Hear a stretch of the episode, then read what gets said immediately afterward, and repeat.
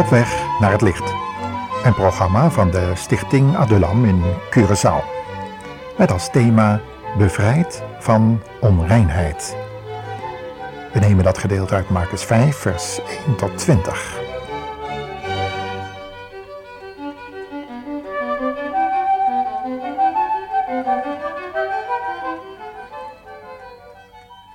Het gebeurde steeds weer opnieuw. Ondanks het feit dat hij de Heer Jezus had gevraagd om zijn leven binnen te komen, om hem te reinigen. Toch kwamen die onreine gedachten steeds weer terug. Hij werd er moedeloos van. Was het evangelie dan geen kracht Gods tot zaligheid voor degenen die geloven? De Bijbel zegt dat toch. In de hoek van de kamer stond een schooltas, boordevol boeken en schriften. Tja, dat heb je als je VWO doet, hè. Leren en nog eens leren.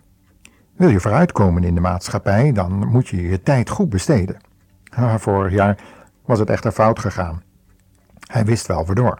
Te veel video gekeken en computerspelletjes gedaan. Te weinig lichaamsbeweging gehad en zijn concentratievermogen was dan ook behoorlijk teruggelopen. Nou, dat had hij geweten. Het jaar moest overgedaan worden. Na een gesprek met de mentor was echter gebleken dat er meer aan de hand was. De inhoud van de bekeken films hadden zijn uh, denkvermogen behoorlijk negatief geprikkeld. Er was nogal wat seks in verfilmd. En het had hem van binnenuit leeg laten lopen, zo gezegd.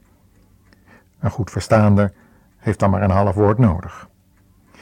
Hij was het er allemaal niet zo erg goed bewust geweest wat er gebeurde. Maar hij had het wel in zijn studieresultaten gemerkt. Zeker, het was begonnen met dat boek uit de schoolbibliotheek.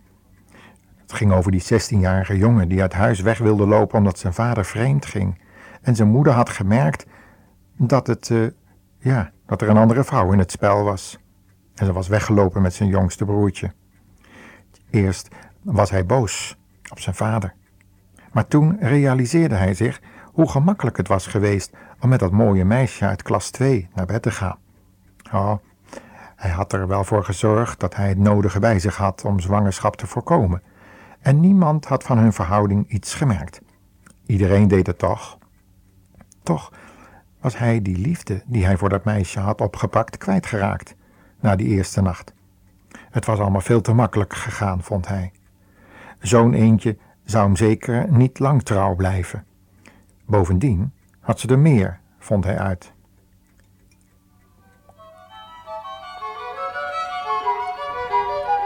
Daarna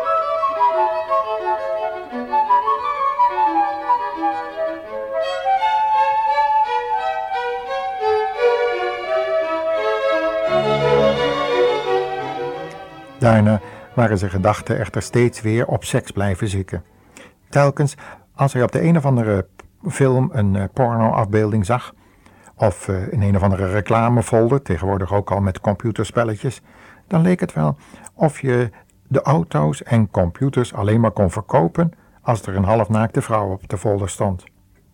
En dan werd ze begeerte opnieuw geprikkeld en verlangde die naar die eerste nacht met dat meisje. Hij greep zijn tas. Nou, het werd tijd voor zijn huiswerk.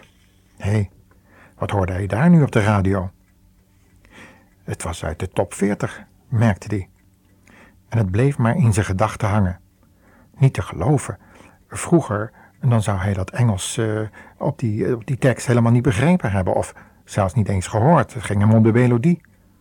Maar nu, na zijn bekering tot Jezus, begreep hij pas goed waar ze eigenlijk over zongen en waar ze heen wilden. Het eindigde altijd in bed. Soms op het banale af was het, die tekst. Ook gingen ze een behoorlijke invloed op zijn leven uitoefenen. En dan inclusief die meisjes die zich aanboden als je naar de, nodige middelen gebruikte ter voorkoming van, uh, nou ja, je weet wel. Tegelijk met de Bijbel greep hij zijn agenda. Hé, was dat toeval? De agenda viel open op een pagina vol halfnaakte vrouwen. Het was hem eigenlijk nog niet, zo erg heel eerder opgevallen. Maar het leek wel na die nacht uh, dat alles uh, over dit thema ging. Hij sloeg de Bijbel ook open. En dat was bij Marcus 5. Die genezing, of beter gezegd de bevrijding van die man met onreine geesten. Hij las de geschiedenis. En het trof hem dat die man in de graven woonde. Geschokt begon hij te lezen. Marcus 5, vers 1 tot 20. Laten we over zijn schouder eens uh, meelezen. De arme jongen voelde zich ontmaskerd. Hij voelde zich vuil. Laat maar eens kijken wat daar eigenlijk over die geschiedenis geschreven staat.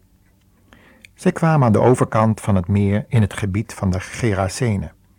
Jezus was nog maar net aan land gestapt of er rende een man op hem af die een boze geest in zich had.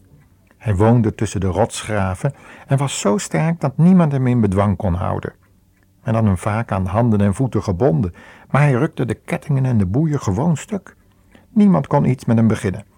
Dag en nacht zwierf hij rond de graven en ging ook vaak de bergen in. Hij liep altijd te schreeuwen en sloeg zichzelf dan met scherpe stenen. Toen hij Jezus echter zag, rende hij op hem toe en viel voor hem neer. Jezus zei tegen die boze geest die in die man zat: Duivelse geest, ga eruit. Maar de geest begon vreselijk te krijsen. Waarom bemoeit u zich met mij, Jezus, zoon van de Allerhoogste God? In Gods naam, doe me geen pijn. Hoe heet jij? vroeg Jezus. Legioen, antwoordde de boze geest, want we zijn hier met velen. En hij smeekte: Jaag ons niet ver weg, wij willen in deze buurt blijven. Nu liep er op die hellingen een grote groep van zo'n 2000 varkens eten te zoeken. De boze geesten smeekten: Laat ons alsjeblieft in die varkens gaan. Stuur ons daar maar in. En Jezus vond dat goed. De geesten kwamen toen uit die man en gingen in die varkens. Op hetzelfde moment stormde de hele kudde de helling af. Het meer in. Ze verdronken allemaal. De varkenshoeders sloegen op de vlucht en vertelden overal wat ze hadden meegemaakt. Van alle kanten kwamen mensen naar Jezus toe om te zien wat er gebeurd was. Ze zagen de man die een boze geest had gehad. Hij had nu kleren aan en was volledig bij zijn verstand. Ze werden bang. De mensen die het hadden gezien vertelden hoe de boze geesten uit die man in de varkens waren gegaan. En nu ze allemaal wisten wat Jezus had gedaan, vroegen ze hem dringend weg te gaan. Hij ging weer in de boot. De man die bezeten was geweest, zei dat hij graag met hem mee wilde, maar Jezus vond dat niet goed.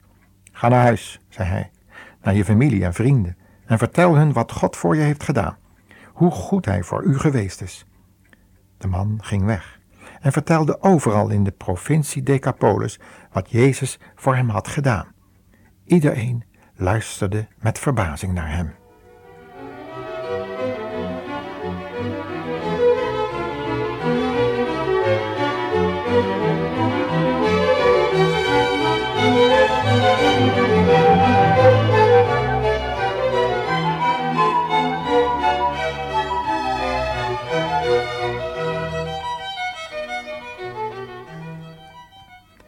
Toen hij de dagteksten van die dag gelezen had, viel zijn oog opnieuw op de agenda. Plotseling pakte hij de bladzijde en scheurde ze uit zijn agenda. Hij begreep de boodschap van die dag. Hij had met zijn leven gespeeld. Eigenlijk, hij had met de dood gespeeld. Hij was vertrouwd geraakt met een dodelijk spel. Het spel met zijn geestelijk leven. Hoe moest dat nu eigenlijk aflopen? Plotseling begreep hij waarom zijn concentratievermogen zo was teruggelopen de afgelopen tijd. Hij had steeds van die onreine gedachten gehad. Ook in de kerk, als hij daar zat, dan was het nog erger. Zijn vat, waarover Paulus het in 1 Thessalonicense 4 vers 4 had, was niet geheiligd. Hij bezat zijn voortplantingsorganen, ja eigenlijk zijn hele lichaam, niet in heiligmaking en eer, zoals Paulus dat uitdrukte. Hij onthield zich helemaal niet van die onreinheid en hoererij, zoals Paulus had gezegd in dat gedeelte in die brief. Beschaamd boog hij zijn hoofd en beleed zijn oppervlakkige bekering en gebrek aan besluitvaardigheid om Jezus de plaats te geven die hem toekwam, als de Heere van zijn leven, en niet alleen maar als verlosser van zondige daden en de gevolgen ervan. Tja, dat wil iedereen eigenlijk wel. En dan ondertussen verder gaan. Een deur openhouden op een kier voor die onreine machten. Op dat moment begreep hij wat Paulus bedoelde met dat woning maken van Jezus in je hart. Het stond ergens in Efeze 3, rond vers 17 geloof ik. En, en daarvoor bad Paulus voor de Efeziërs, die ook al last hadden van dat soort uh, onreine praktijken. Ja, Jezus was het waard om Heer te zijn van zijn leven. Opgeruimd stond hij van zijn knieën op, om met zijn schooltas in zijn handen naar school te gaan, met een bladzij minder in zijn agenda.